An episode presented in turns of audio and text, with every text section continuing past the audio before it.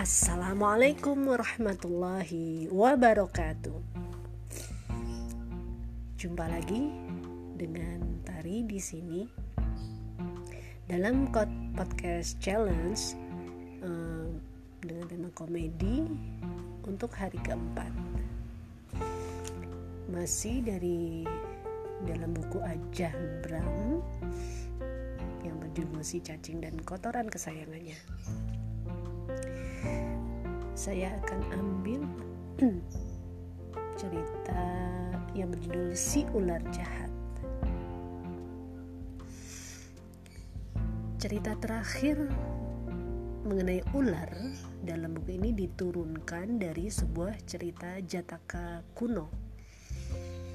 Cerita ini menunjukkan bahwa untuk peduli tidak selalu berarti menjadi lembek, lemah, dan pasif.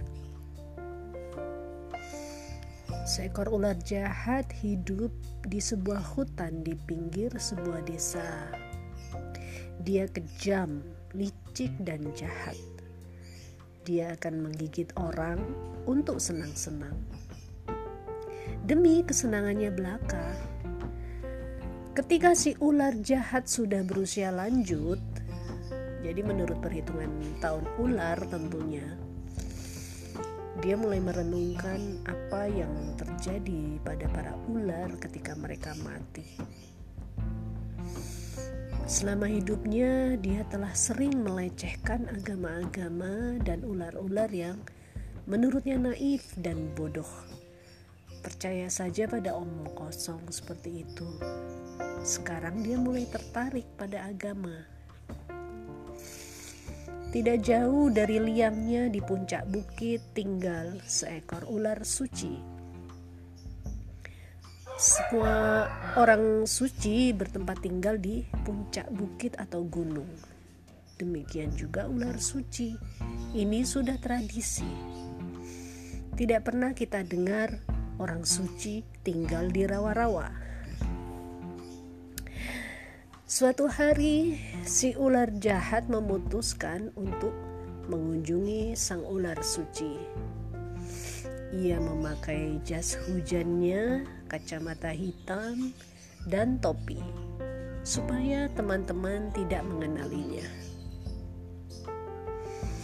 Kemudian dia mulai merayap ke atas bukit menuju wihara sang ular suci ia tiba ketika ceramah sedang berlangsung. Sang ular suci duduk di atas sebuah batu dengan ratusan ular mendengarkan dengan penuh perhatian. Si ular jahat merayap di pinggiran kerumunan, dekat dengan jalan keluar, dan mulai ikut mendengarkan ceramah. Makin didengarkan, makin terasa masuk akal. Dia mulai merasa yakin, lalu terinspirasi, dan akhirnya terubahkan. Seusai ceramah, dia menghadap sang ular suci dengan air mata bercucuran. Dia mengakui kejahatannya selama ini dan berjanji mulai sekarang dia akan menjadi ular yang sama sekali berbeda. Dia bersumpah di depan sang ular suci untuk tidak lagi menggigit manusia. Dia akan menjadi baik. Dia akan mulai menunjukkan kepedulian. Dia akan mulai mengajarkan kepada ular-ular lain bagaimana menjadi baik dia bahkan memasukkan uang ke kotak dana di dekat jalan keluar. Saat semua ular melihatnya, tentu dong. Walaupun sesama ular dapat bercakap-cakap, itu terdengar seperti desis yang sama bagi telinga manusia. Si ular jahat, eh, mantan ular jahat, tidak bisa mengatakan kepada orang-orang bahwa dia sekarang pecinta damai. Orang-orang desa masih menghindarinya, walaupun mereka mulai bertanya-tanya atas lambang cinta damai internasional yang dikenakannya dengan jelas di dadanya. Suatu hari seorang penghuni desa asik mendengarkan walkman-nya berjingkrak-jingkrak tepat di sebelah si ular. Dan si ular sama sekali tidak menyerang. Dia hanya tersenyum seperti halnya pemuka agama. Semenjak itu orang-orang desa menyadari bahwa si ular jahat tidak lagi berbahaya. Mereka berjalan melewati si ular sewaktu dia duduk bersila dalam meditasinya di luar liangnya. Lalu beberapa anak nakal dari desa mulai mengganggunya. Hei, tukang rayap! Mereka mengejeknya dari jarak yang aman. Tunjukkan taringmu jika kamu memang punya. Hei, cacing kegedean! Dasar bod, dasar dodol tempe bikin malu spesiesmu saja. Dia tidak suka dipanggil tukang rayap, walaupun ada benarnya juga, ataupun cacing kegedean. Tetapi bagaimana dia bisa membela diri? Dia sudah bersumpah tidak akan menggigit. Menyaksikan si ular sekarang begitu pasif, anak-anak itu menjadi makin berani dan mulai melemparinya dengan batu dan gumpalan tanah. Mereka tertawa kalau ada yang kena. Si ular mengetahui bahwa dia bisa saja merayap cukup cepat untuk menggigit semua anak-anak itu.